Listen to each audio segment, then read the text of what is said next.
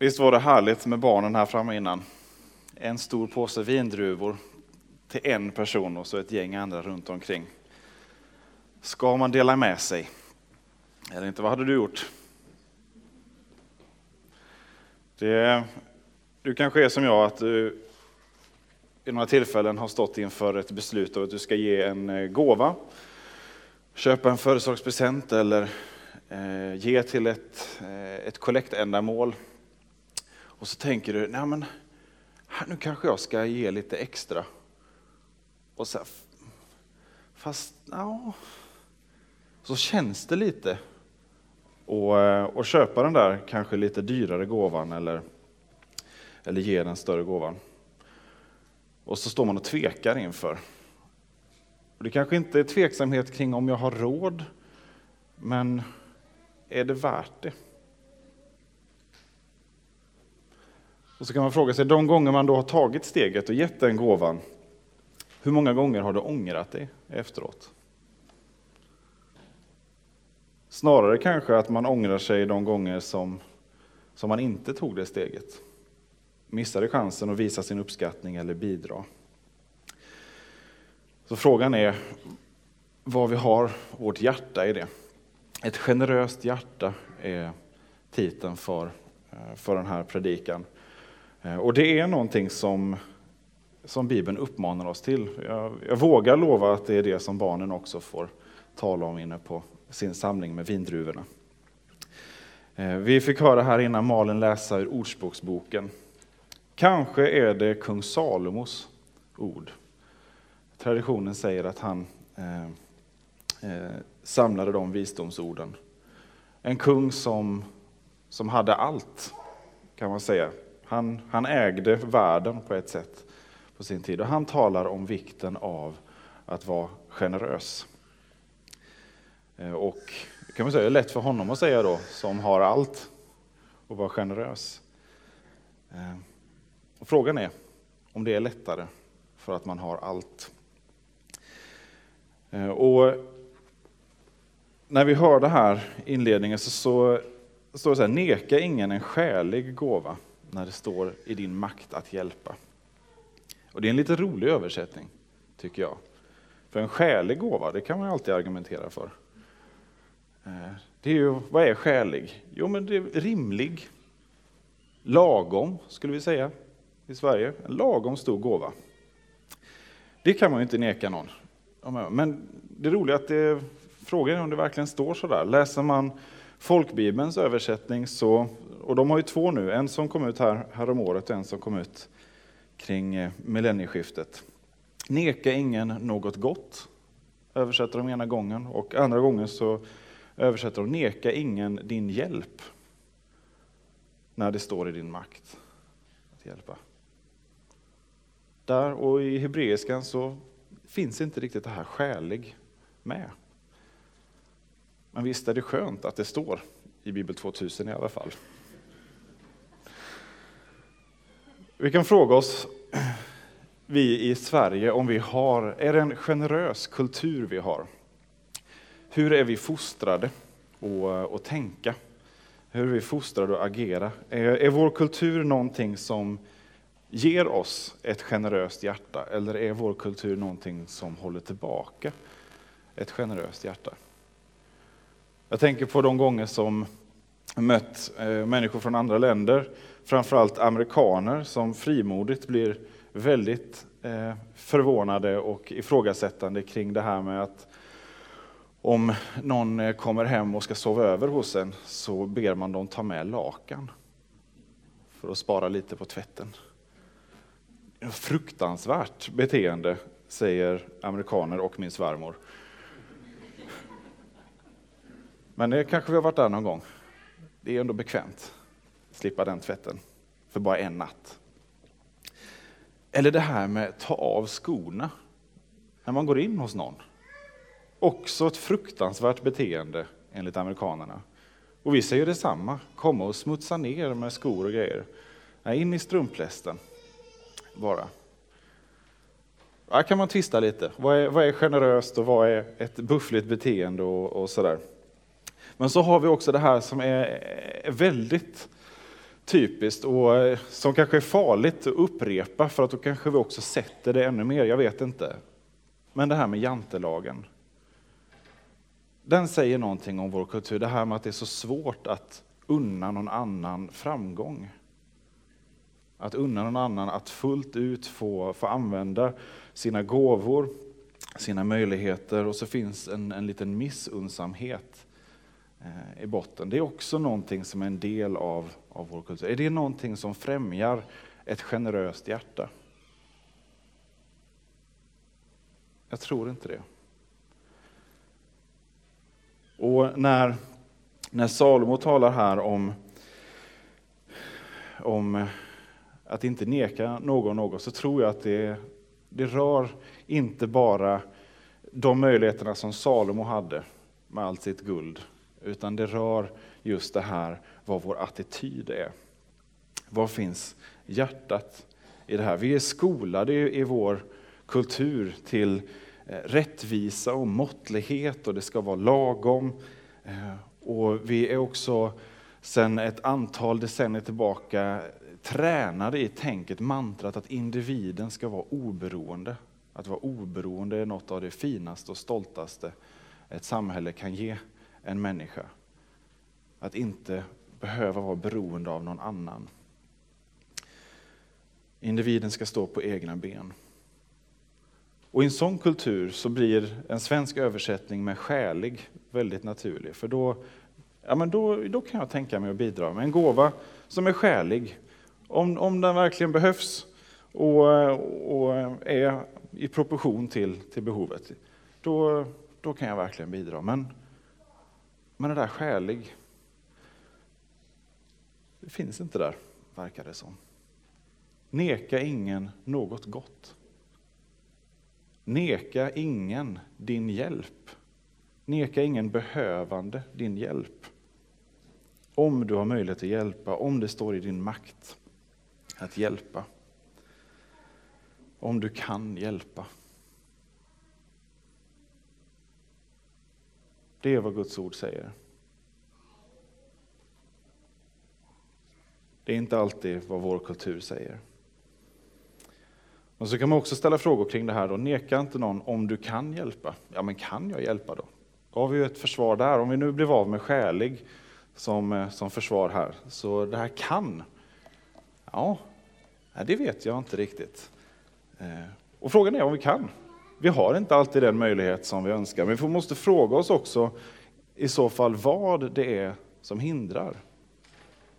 Det kan vara rena kronor. Någon behöver en ekonomisk insats. Jag har inte den ekonomiska insatsen. Jag kan inte eh, hjälpa.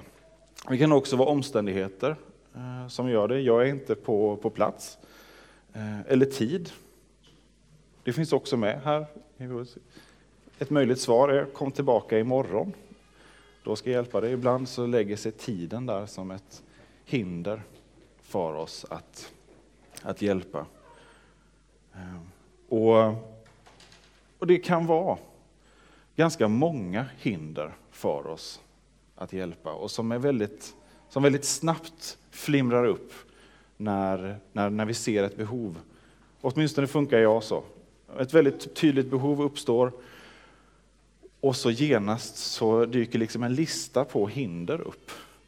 Eh, saker. Men jag behöver ju också göra det, jag måste hinna med det. Och, jag... och många gånger så är det egentligen så att det bara finns ett problem i botten. Och det är mitt hjärta. Hindren kan vara ganska många, men det är bara ett problem. Och det är mitt hjärta.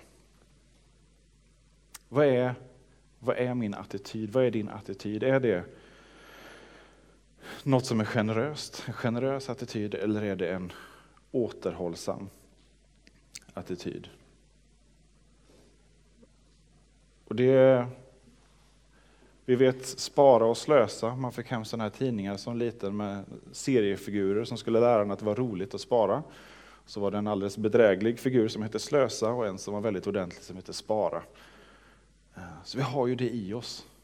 Självklart ska vi hushålla, ta hand om, förvalta det vi har, men, men vilken attityd, vilket håll drar vi åt? Och det gäller inte bara ekonomin, även om det eh, kanske ligger närmast till hands, men det gäller också tiden.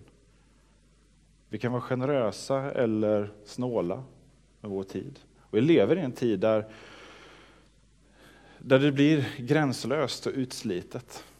Eh, vi har många som hamnar i utmattningsdepressioner eh, och situationer där, eh, där tiden blir någonting som är inte bara hotat utan också blir skadat. Där det inte finns möjlighet. Så vi har otroligt olika möjligheter. Attityden. Vi, vi pratar inte om nivån på vad vi är, utan vad är attityden? Var finns mitt hjärta i det här? Det kan vara någonting som, eh, som har med kompetens att göra. Eh, är jag generös eller är jag återhållsam med att, eh, att bidra med det? Överseende. En valuta som är otroligt gångbar. Är jag generös eller är jag återhållsam med det? Förlåtelse. Är jag generös eller är jag återhållsam med det?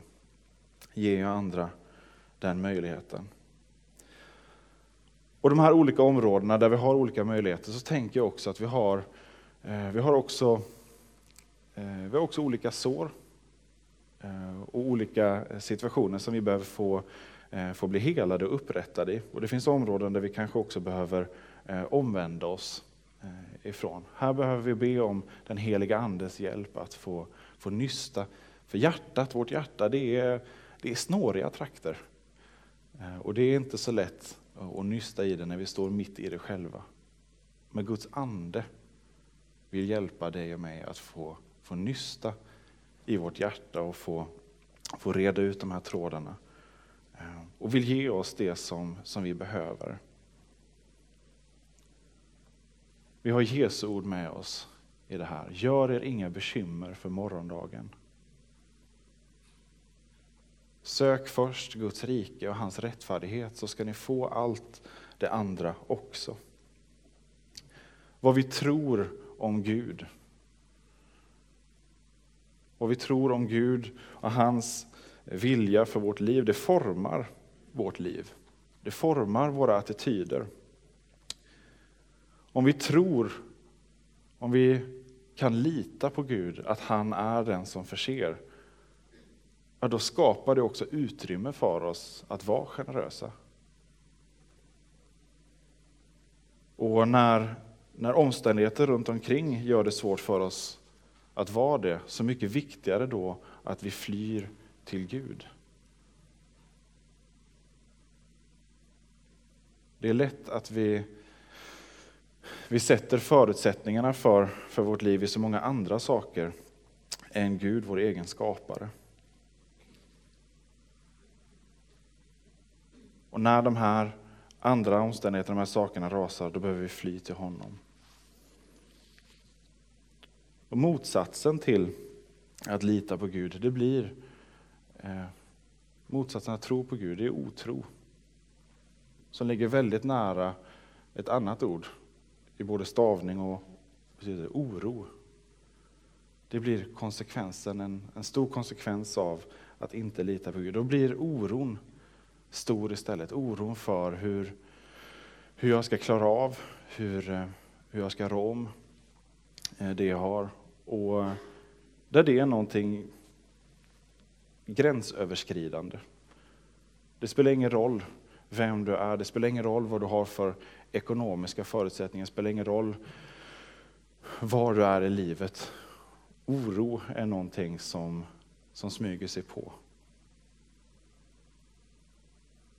Och det är när vi märker att, att saker som ska hålla, saker som ska hålla och stå på, de gör inte det. Det börjar skaka. Och vi funderar på framtiden, morgondagen, tryggheten i det så kommer oron och smyger. Och vill stjäla vår tillit till Gud.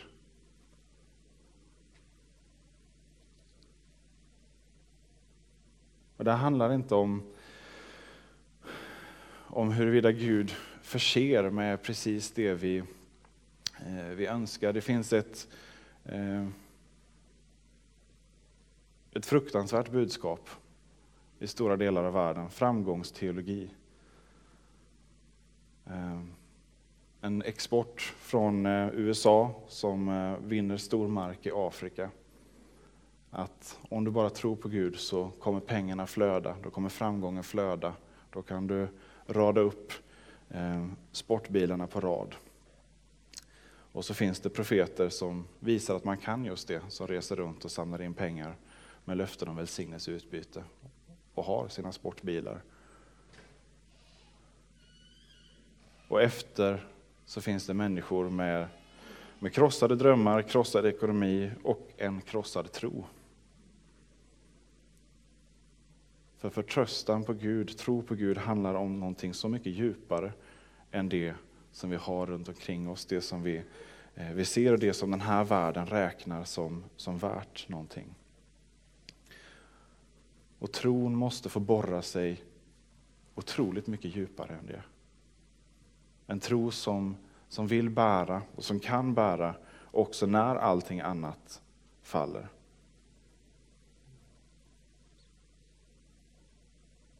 Och kan få befria oss till att få vara generösa, ha ett generöst hjärta. Också när, när allt annat borde peka mot motsatsen. När världen eh, skulle säga något annat.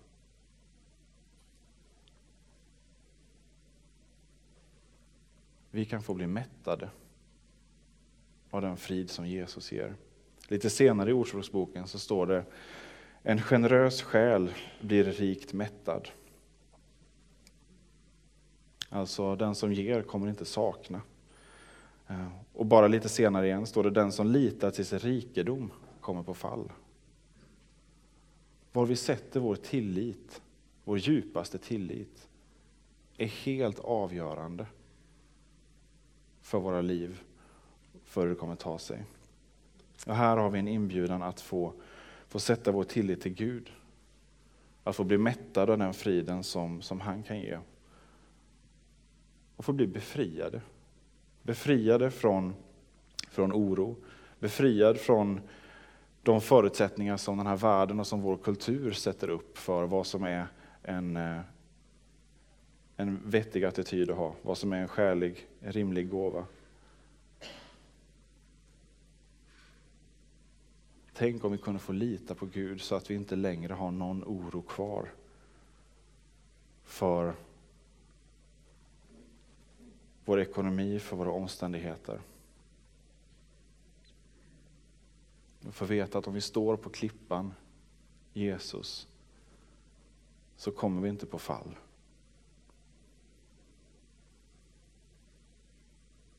Men så kommer gärna den här oron och otron och smyger sig på. Gång på gång. Och det är som att vi inte kommer undan den.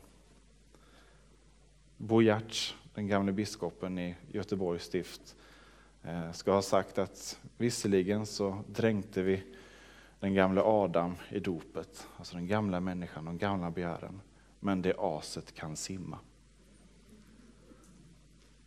Så den här oron, den här oförmågan att lita på Gud, att få lägga sig helt i hans händer, den letar sig in gång på gång på gång. Och då behöver vi påminna oss och vi behöver påminna varandra om vem Gud är i det här. Och så behöver vi leva ut det för varandra. För ett samhälle som säger att individens oberoende är det högsta målet, så står vi väldigt ensamma. Här har vi världens chans, vi har himlens chans att få vara något annat som kyrka. Vi har sagt här att vår vision är att få vara en kyrka som återspeglar Guds hjärta. Som bär varandra och betjänar människor var helst vi befinner oss varje dag. Och genom det få se människor och samhällen förvandlade av Jesus. Där oron smyger sig på, där otron smyger sig på och där jag har svårt att lita på att Gud förser. Där finns då möjligheten för en syster eller broder att få stiga in och få öva sig i sin generositet. Och jag får se, just det, Kristi kropp, Guds närvaro i den här världen. Vi kristna syskon kan få förkroppsliga det att Gud förser.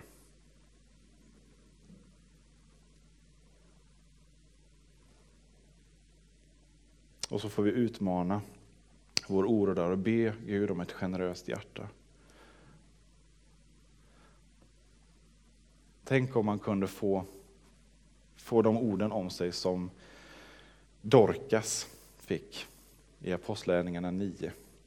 Det berättas om henne att hon var rik på goda gärningar och generös mot de fattiga. Det är så hon beskrivs. Det är bättre än Karl, han var en snål och ogin rackare. Nej, då vill jag hellre ha Dorcas omdöme.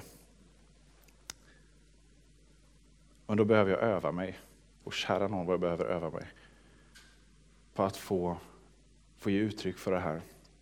Och ett generöst hjärta, det går, det går åt båda hållen. Om jag har ett generöst hjärta, om jag ska kunna ha ett generöst hjärta, så får jag inte snåla med ödmjukhet. Jag får inte snåla på sanningen. Att jag har mina brister, jag har mina behov av hjälp, av att be om förlåtelse. Om jag inte gör det, ja då finns ju inte heller utrymmet för, eh, för andra att stiga in. Då finns inte heller utrymmet för Gud och steg in. Det här är grundförutsättningen för att tro. Ett generöst hjärta är snabbt att erkänna också sina egna behov. Vi har det i, i bönen, vår Fader. Förlåt oss våra skulder, liksom vi har förlåtit dem som står i skuld till oss. Det hänger tätt samman. Jag kan inte vara någonting mot någon annan om inte jag också tillåter människor att vara det mot mig. Om jag inte tillåter Gud att vara det mot mig.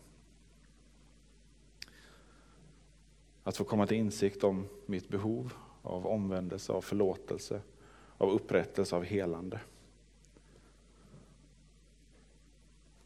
Tänk om vi skulle kunna få vara ärliga, både inför Gud och med varandra om det här. Var generösa nog också att ge varandra möjligheten att få övas i en generös attityd, ett generöst hjärta. Som, som vet att, att det vi har är egentligen inte vårt eget. Utan har vi någonting så är det för att det är givet av Gud. Har vi talanger, har vi kompetens så är det givet av Gud.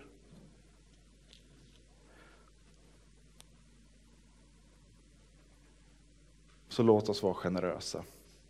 Låt oss hjälpa varandra när vi kan och låt oss be om hjälp när vi behöver. Från Gud och varandra. En kyrka som bär varandra och som betjänar människor. Vi ber. Barmhärtige Gud, du som anförtror ditt rike åt svaga människor. Ge oss nåd att vilja det du vill och älska dig över allt på jorden så att vi tjänar dig av hela vårt hjärta. Genom din son Jesus Kristus, vår Herre. Amen.